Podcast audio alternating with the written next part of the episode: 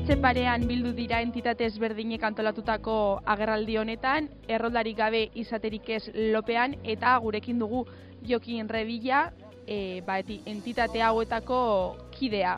E, zertan datza kanpainak? Betxo, kanpaina hasi da orain dela denbora pizka bat, eta e, gure izenburua esaten duen moduan, e, jendea ez badauka padroirik, ez da existitzen. eta e, zer nahi dugu egin. Egin genuen e, ongi etorri kanpaina bat aspaldian, e, jende kalean zegoena, beharrezkoa dela enpadronatzea. Eta hori legean agertzen da argi eta garbi. Eta lortu dugu e, mozio baten bidez biruboko daletxean, lortzea hori. Eh? Horrezegati, berdin da non bizizaren, kalean, kalean, edo zein, banku batean, edo zein edifizio etxo ruina, berdin da. Ez, ez, ez ezin dute begiratu non bizizaren, baizik eta benetan bizizaren, eta enpadronatu behar dizute. Hori derrigorrez. Zer gertatzen da?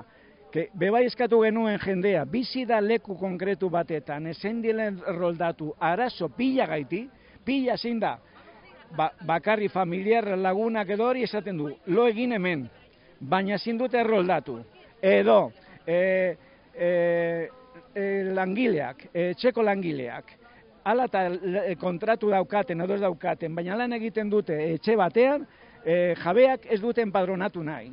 Gero, kolektibo pila daude, adibidez, po, senegalesak, berdin da, solidaridad handia daukaten haien artean, eta ez dago iaia inor kalean, baina ezin dute roldatu. Eta be, gero, ja, desastre bat da, badago, entidad, eh, bueno, entidadek, edo eh, kolektibo, edo persona partikularrak, kobratzen dute patroia gaitik. Eun, eun, eta mar euro, berreun euro, edo ez dakizer lo cual es un desastre. Lege zer esaten du, que erroldatu behar da jendea e, e, eudaletxean bizi den lekuan. Zer eskatzen dugu, que haiek ezin dute zertifikatu egin nola bizi diren leku batetan, eta ezin dute esan bebai udaletxeari, eh? porque bidatzen badute munipak eta ikusten dute bizi direlan, esango dute bai, enpadronatzen dugu hemen eta kitzu. Gero, konsekuentzia berdin digu urrengo egunean zaude kalean, edo etxeko langileak urrengo egunean daude lanik gabe berdin diku.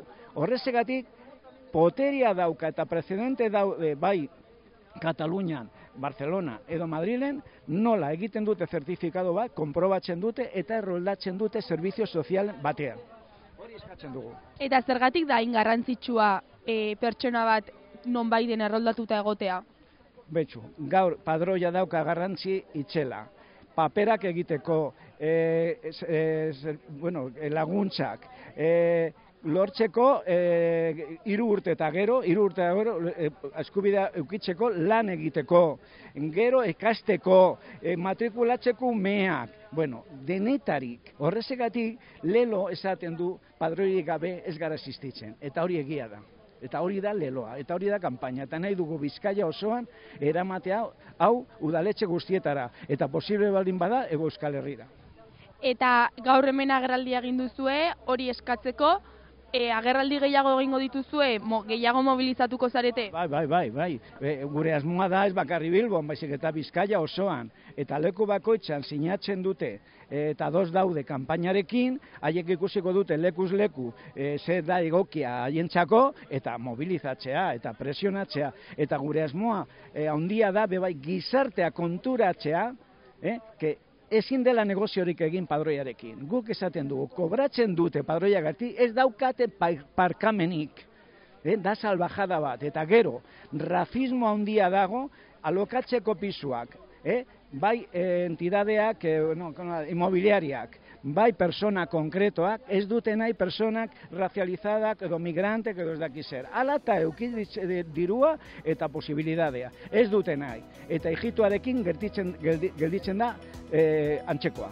Horrezegatik, ra, arrazismorikek eta padroia guztientzak. Eta udala, udala hori markatzen du padroian legea, derrigorrez bere, e, bere, bere herrian biziden jendea egon behar dela enpadronatuta. Eta hori bilatzen ari gara.